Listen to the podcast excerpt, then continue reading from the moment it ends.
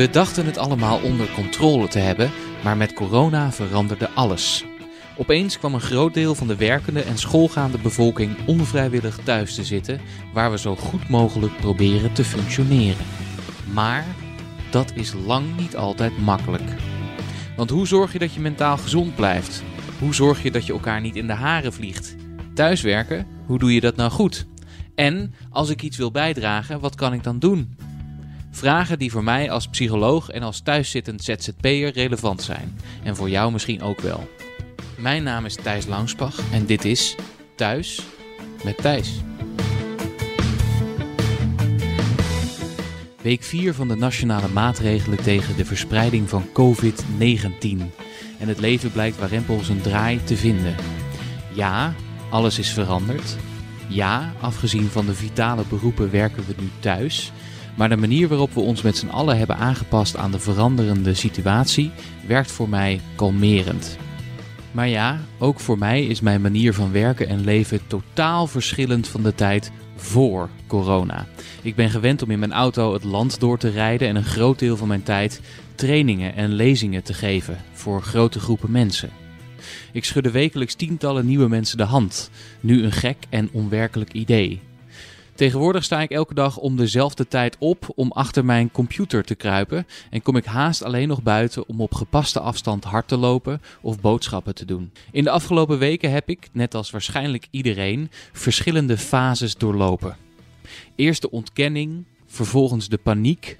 Al mijn klussen werden afgezegd. Ik zag als ondernemer mijn omzet in rook opgaan de verwarring en het aan de tv gekluisterd zitten voor nieuws en vervolgens de berusting. En dan valt het voor mij op de keper beschouwd nog mee. Mijn familie is gezond. Ik heb geen kinderen die ik thuis moet vermaken. Ik woon samen, dus met mijn huidhonger valt het mee. Maar toch, ook voor mij was het aanpassen aan de nieuwe omstandigheden, op zijn zachts gezegd, uitdagend. Omgaan met geldzorgen, met ziekteangst, met uitstelgedrag, frustratie en die steen in mijn maag rond de aanstaande economische crisis. En ook een ontzettende weerzin om straks te leven in een anderhalve meter samenleving, zonder mensen te kunnen knuffelen of high fives te kunnen geven. Daarom was ik ook zo blij dat ik een bevriend psychologe, Saskia Geraerts, de vraag mocht stellen: hoe blijf je nu eigenlijk mentaal gezond onder dit soort omstandigheden? Saskia Geraerts studeerde psychologie in Maastricht. Saskia is expert op het gebied van zelfbeeld en positieve psychologie. Ze werd bekend als tv-psycholoog die op een duidelijke manier ingewikkelde dingen kan uitleggen. Onlangs verscheen haar boek Perfect. Perfect eigenlijk. Dus perfect of proficiat, want de klinkers zijn eruit gehaald. En het boek verscheen bij uitgeverij Spectrum. Ik heb haar op Zoom, want zo gaat dat dan tegenwoordig. Je kan niet meer tegenover elkaar zitten. Om haar de vraag te stellen over hoe we het nou mentaal een beetje volhouden in deze soms beangstigende en rare tijd. Voordat we, voordat we het gaan hebben over hoe men mentaal gezond kan blijven in dit soort crisissituaties en dit soort crisisomstandigheden, ben ik even benieuwd, hoe is deze crisis voor jou? Ja, ik vind hem uh, aan de ene hij is heel dubbel. Aan de ene kant is die, uh, voelt het als een soort van vakantie. Uh, ook omdat het natuurlijk van het ontzettend lekkere weer is.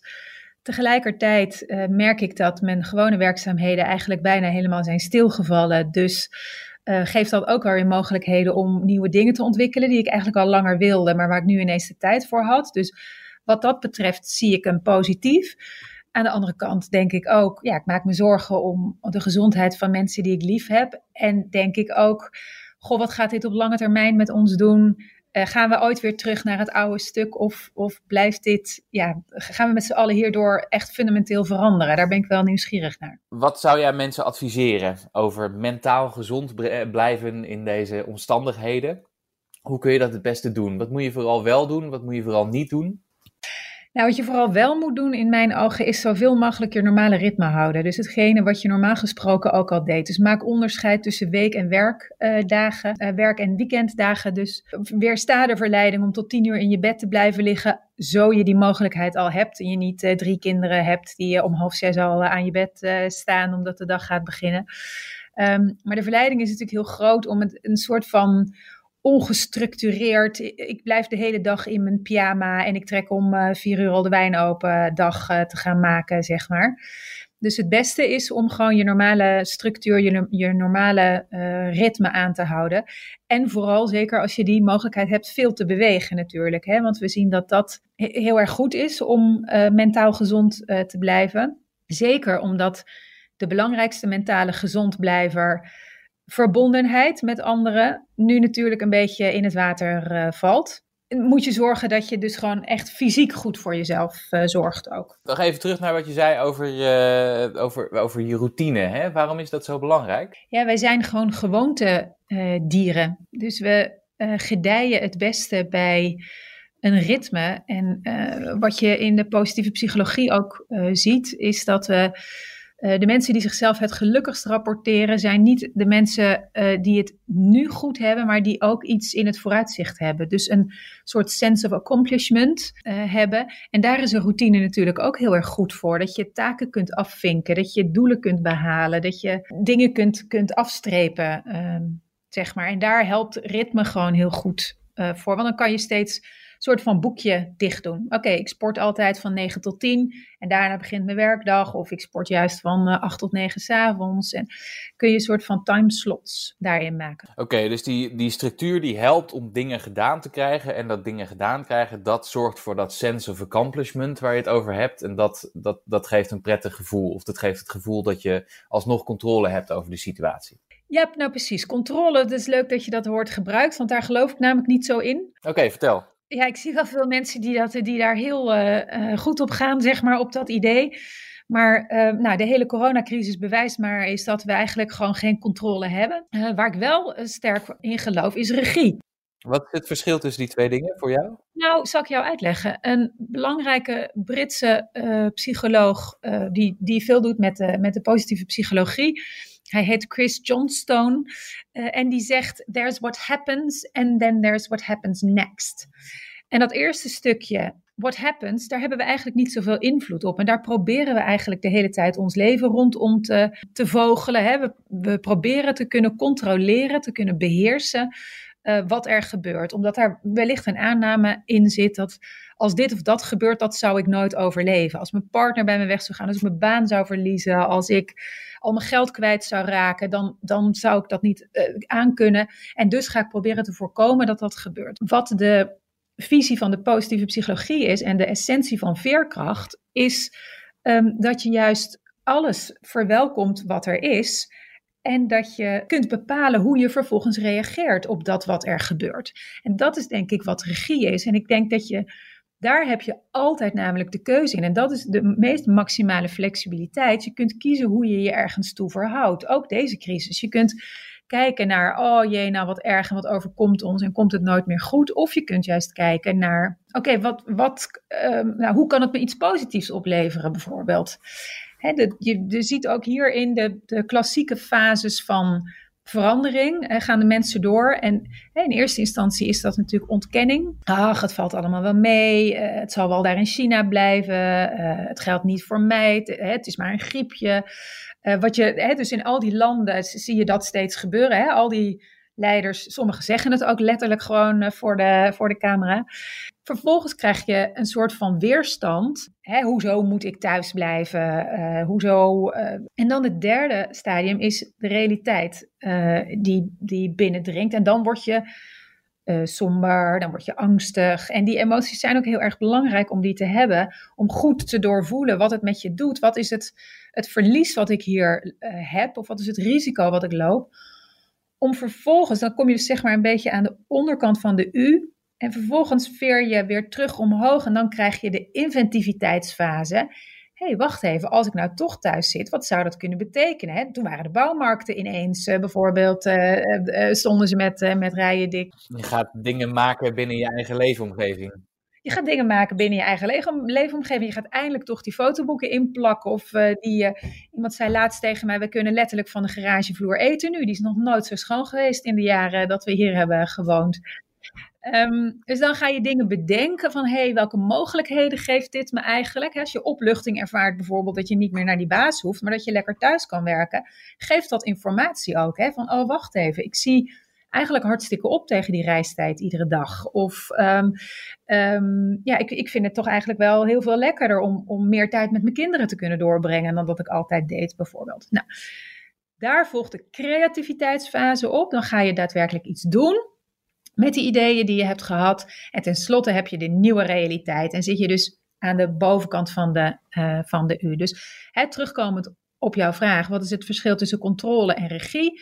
Bij die controle blijf je in die ontkennings- en weerstandsfase zitten. Dan omarm je niet wat er is. En je kunt pas iets ergens mee doen op het moment dat je het ook aanpakt. Saskia heeft het hier dus over het verschil tussen controle en regie. En controle gaat over of je de omstandigheden kunt beïnvloeden. En regie gaat over wat je met die omstandigheden vervolgens doet. Wat je er zelf mee doet en hoe je er zelf over nadenkt. Controle heb je nu dus niet, maar je hebt wel degelijk regie. Je kunt zelf bepalen over hoe je omgaat met de coronacrisis en alles dat ermee samenkomt.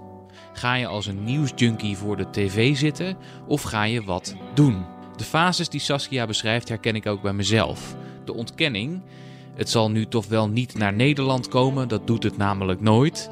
Vervolgens die weerstand, ja, gaan we dat nou echt doen met die handen geven? Wat een flauwekul. De somberheid, die komt met het besef van de realiteit. Oké, ik kan dus nu bijstand gaan aanvragen. Het zal wel helemaal niets meer worden met mijn inkomsten dit jaar. En vervolgens de inventiviteit en de creativiteit die hoort bij de tv uitzetten en de dingen gaan doen die we wel mogen en kunnen. En er binnen die kaders maar het beste van maken. Niet proberen controle te krijgen over waar je geen controle over hebt, want dat is zinloos en zonde van je tijd, maar regie houden over wat binnen je invloedssfeer ligt. Bijvoorbeeld bewegen. Je had het over bewegen. Dat dat heel belangrijk is. Dat dat het tamelijk fundamenteel is voor onze psyche en voor hoe mentaal gezond je bent ook. Hè? Hoe, hoe, kun je dat nou, hoe kun je dat nou het beste doen wanneer de sportscholen dicht zijn en wanneer je geen teamsport kan spelen of niet samen kan voetballen? Of uh, wat, wat kun je het beste wel doen? Ja, je hebt altijd mogelijkheden. Je kan uh, eh, 40 keer de trap op en af uh, gaan. Je kan, als je in die luxe omstandigheid bent, voetballen met je kinderen in de tuin. Als je die tuin hebt en als je de kinderen hebt dan natuurlijk.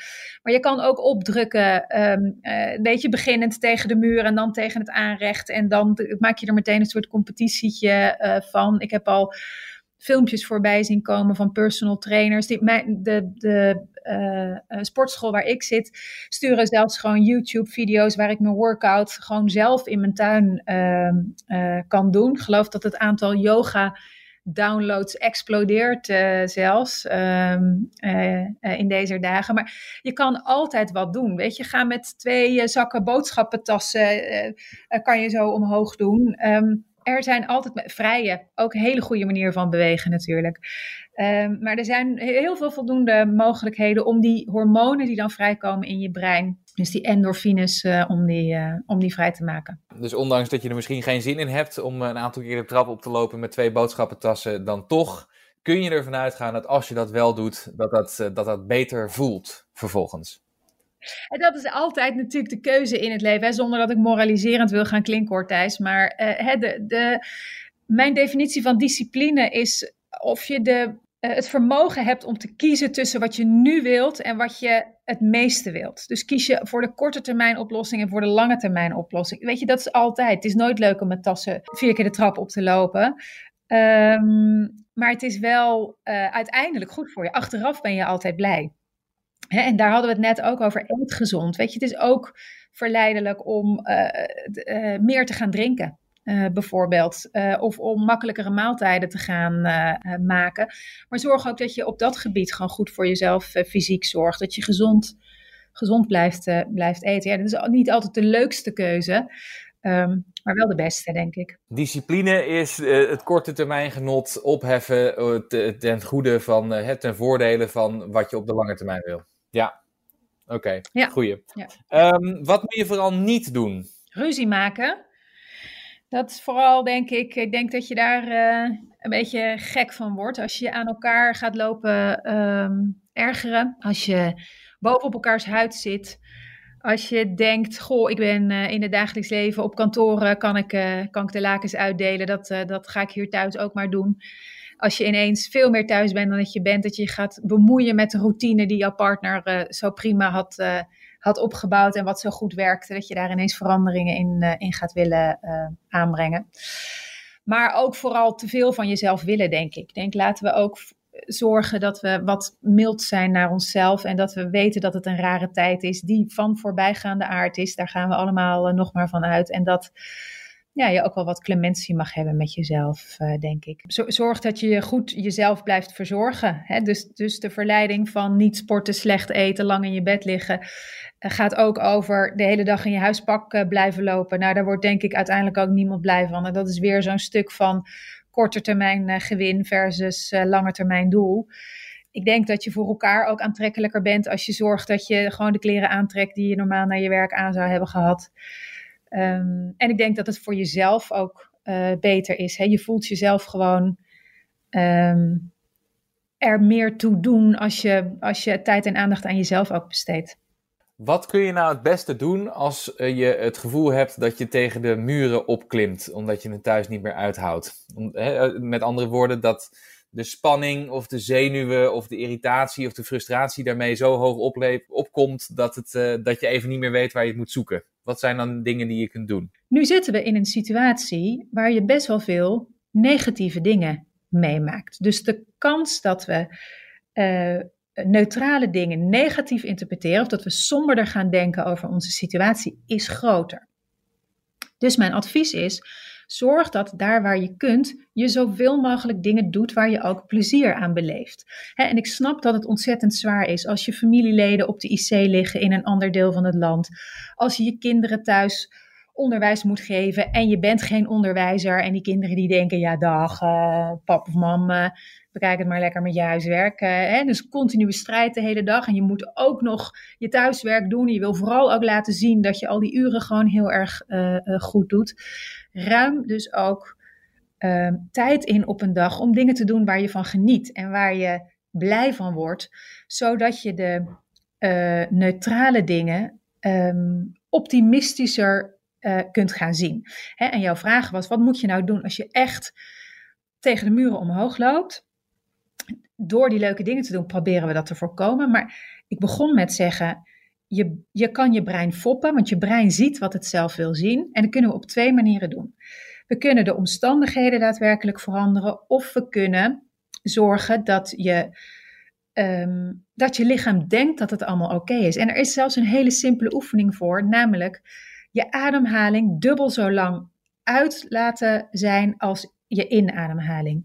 Want dat doe je namelijk in tijden dat je je prettig voelt en dat je rustig bent. Dat doe je als je in bed ligt. Dat doe je als je in de armen ligt van je partner. Dat doe je als je met je kind aan het knuffelen uh, bent. Dus als je denkt, ik word hartstikke gek en het lukt me niet om nu die hele leuke dingen te doen, doe dan op zijn minst drie tellen in, zes tellen uit. Drie tellen in, zes tellen uit. Want dan kalmeert jouw brein. Want die denkt dan: oh hey, mijn lijf geeft het zijn dat het allemaal oké en ontspannen is hier. En dan zul je zien dat het rustiger en vrediger wordt in je hoofd. Je kunt dus door een simpele ademhalingsoefening te doen je zenuwen en je stress onder controle krijgen. Saskia legt deze oefening nu snel uit, maar het is wel belangrijk om daar nog wat langer bij stil te staan. Door bewust te ademen kun je namelijk een al ingezette stressreactie van je lichaam terugdraaien. Er zijn natuurlijk veel verschillende ademhalingsoefeningen om uit te kiezen, maar de makkelijkste is, zoals Saskia al zei, door rustig door je neus in te ademen en door je mond weer uit te ademen. En dan gedurende een paar minuten je uitademing te vertragen. Dit zorgt ervoor dat je minder ademtochten per minuut neemt en brengt zo je hartslag naar beneden. En dus voel je je meteen een stuk minder gestrest. Hoe kun je nou omgaan met ik weet niet, ik, dat zal ongetwijfeld voor mensen, uh, dit, is, dit is wat je noemt een eerste wereldprobleem, maar het zal ongetwijfeld voor mensen herkenbaar zijn die dit luisteren. Uh, veel van de dingen waar je naar had uitgekeken, um, evenementen, mooie lezingen, cursussen, dingen die je zelf zou gaan doen, uh, die vallen opeens uit. Um, en je kunt een stuk minder doen dan je eigenlijk misschien zou willen. Hoe ga je om met dat gevoel van teleurstelling als er weer eens iets wordt afgezegd of weer iets wordt doorgeschoven? Ja, nou, die zit in die loop van ontkenning, weerstand, ehm, realiteit. Hè? Dus somberheid en depressie. Pak die emotie gewoon heel goed. Ga niet lopen doen, ah, het interesseert me niet of het um, maakt me helemaal niet uit. Je mag daar gewoon van balen. Je mag daar verdrietig over zijn. Uh, want dat heeft ook als functie verdrietig zijn dat je ruimte maakt voor iets anders. En dan kan die creatie namelijk uh, weer komen. En het het vertelt je ook wat. Het vertelt je over hoe wezenlijk belangrijk dit voor je is. Dus het geeft informatie over, hoe wil ik in het post-corona-tijdperk mijn leven ingericht hebben? Nou, festivals of museumbezoek of, of restaurants of zo is dus voor jou kennelijk belangrijk. Nou, dan weet je dat dat dus um, een, een, een mooie manier is om je leven vol voldoening in te uh, richten. Dus accepteren dat, dat, dat die gevoelens erbij horen, die gevoelens ook ervaren en ook wel bedenken dat dat dus ook iets zegt over hoe belangrijk dat kennelijk voor je is. Ja, precies. Ja, ja. oké. Eh, dan, dan nog een gevoel dat misschien veel mensen zullen herkennen, uh, ik in ieder geval wel. Hoe ga je nou om met dat schuldgevoel? Dat hoort bij het idee dat je eigenlijk nu opeens tijd zou moeten hebben voor ontzettend veel belangrijke en interessante dingen. Uh, en boeken die je nog wil lezen en dat soort dingen. En dat je toch niet komt aan hoeveel je eigenlijk zou willen doen. Ja, dan heb je een soort andere fear of missing out. Hè? Dus dan heb je niet meer. Hè, want ik hoor ook wel dat er een soort van rust nu ontstaat. Van, uh, oh, nou ja, er is gewoon buiten niks te doen. Dus. Dus dat FOMO-stukje uh, heb ik nu ineens niet meer. En dat verschuift kennelijk naar, naar een ander stukje. Dus je gaat nu ineens ja, de, de fear of missing out over de, de dingen die je zelf eigenlijk had voorgenomen om te doen. Hè? Dus toch niet. Een, een fear of not doing enough is het. Fear of not doing enough is dat. Fear of disappointing yourself. En misschien heeft dat ook wel met die strengheid te maken. Hè? We hadden het straks erover van wees mild naar jezelf. Kijk, je, dan zou ook een vorm van hoge eisen aan jezelf kunnen zijn. Van nou, dan moet ik ook maar het beste ervan maken. Van, dan moet ik ook super strak met een sixpack uh, afgetraind uit deze coronacrisis uh, komen. Of uh, moet ik al die ongelezen boeken in of die cursus maar eens even gedaan hebben. Ja, hoe realistisch is dat?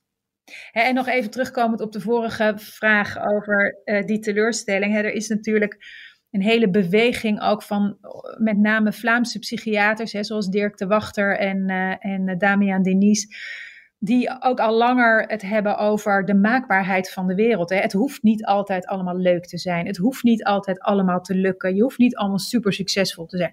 Dus in deze periode ook. Je hoeft niet die twaalf boeken gelezen te hebben. Of uh, weet je, het mag best een beetje imperfect zijn uh, ook, wat je doet sta dat maar toe, dat het een beetje rommelig is. Je, je, je vertelt dit heel duidelijk en je advies is super, super duidelijk, denk ik, voor, eh, voor mensen die dit beluisteren. Betekent dat ook dat het bij jou alleen maar goed gaat, momenteel? Ja, alles gaat bij mij alleen maar goed, de hele tijd natuurlijk. nee, ja, tuurlijk maak ik ook die fases eh, door, net als ieder, uh, ieder ander. Van, uh, ik dacht in het begin ook van, nou, het zal wel zo'n vaart niet lopen hier. Uh, hè, dit, al, die, al die andere virussen zijn ook niet hier gekomen. Ik ben ook heel erg opstandig over um, nou, hoe de dingen gaan. Mijn, mijn praktijk staat leeg nu en uh, daar krijg ik geen beweging van de huurbaas in, bijvoorbeeld. En denk ik, ja, potverdorie, waarom moet ik in mijn eentje hier nou voor bloeden en, en krijg jij wel al je geld en zo. Dus ja, ik voel ook wel mijn dingen die me, die me opstandig maken. En het laatste stuk wat jij noemde is bij mij ook echt heel herkenbaar. Ik dacht ook, oh, ik ga lekker die boeken lezen en ik ga iedere dag een uur yoga. Nou, als ik het één of twee keer in de week uh, doe, dan is het, uh, is het mooi meegenomen. Dus ik moet ook wel een beetje om mezelf uh, lachen. En ik ja, heb ook een gezin met kinderen die naar school gaan, waar ook teleurstellingen zijn. Mijn zoon zou eindexamen doen en dat valt nu helemaal in het water. Die zei, joh mam, het voelt net alsof uh, ik een marathon aan het lopen was. En bij 41 kilometer is de wedstrijd uh, afgelast en is het publiek naar huis. Ja, het is natuurlijk super zuur, want hij heeft wel heel lang vakantie. Maar voelt wel als een soort huisarrest. Dus ja, hij, hij is ook een beetje opstandig. It's not what happens, it's what happens next.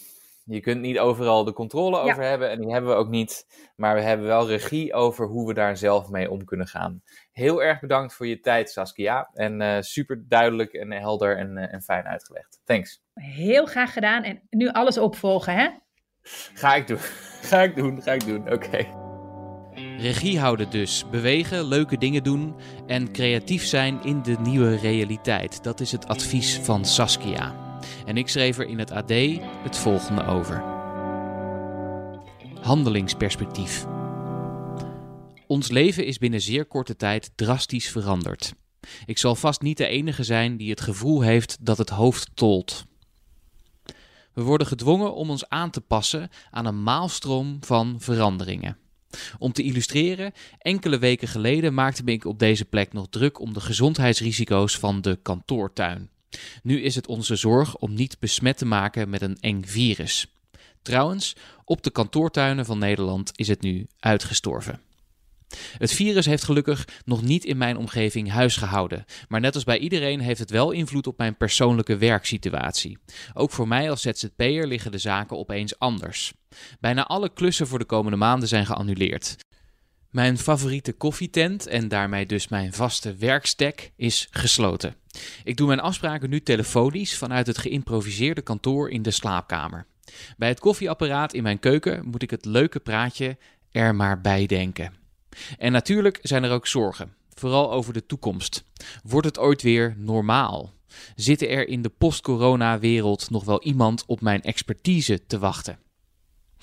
Tegelijkertijd zorgt deze situatie voor een reality check. En dat is, hoe cru het ook klinkt, positief. We worden gedwongen om kritisch te bekijken wat normaal geworden was. Het dwingt ons tot nederigheid en tot voorbij ons eigen belang kijken. Het haalt de menselijkheid in ons naar boven en maakt ons minder egoïstisch. Dat mijn naaste en ik gezond zijn, iets dat ik altijd voor lief genomen had, is iets geworden om elke dag dankbaar voor te zijn. Wat dat betreft zet zo'n crisis de zaken op scherp. Natuurlijk horen gevoelens van machteloosheid, van angst, verdriet en woede er ook bij. Het controleverlies dat hoort bij overgeleverd zijn aan de omstandigheden kan zorgen voor veel stress. Hoe klein ook, een handelingsperspectief, het gevoel dat je iets kunt doen, is van de grootste waarde. Hoe minder de controle op de buitenwereld, hoe belangrijker de invloed die je wel hebt. Weglopen van de televisie om iemand in nood te bellen, een boekenkast te bouwen of een fotoalbum in te plakken, dat trekt je erdoor. Ondertussen troost ik me met de gedachte aan al het positieve intermenselijke dat er ook uit deze toestand zal rollen. Op dit moment worden ruzies uitgepraat, levensplannen gemaakt, talenten herontdekt of ontdekt, belangrijke gesprekken gevoerd, boeken geschreven, recepten geperfectioneerd, klussen geklaard, kunst gemaakt en uitvindingen gedaan. En daar plukken we, als na het virus het leven weer zijn voortgang vindt, de vruchten van.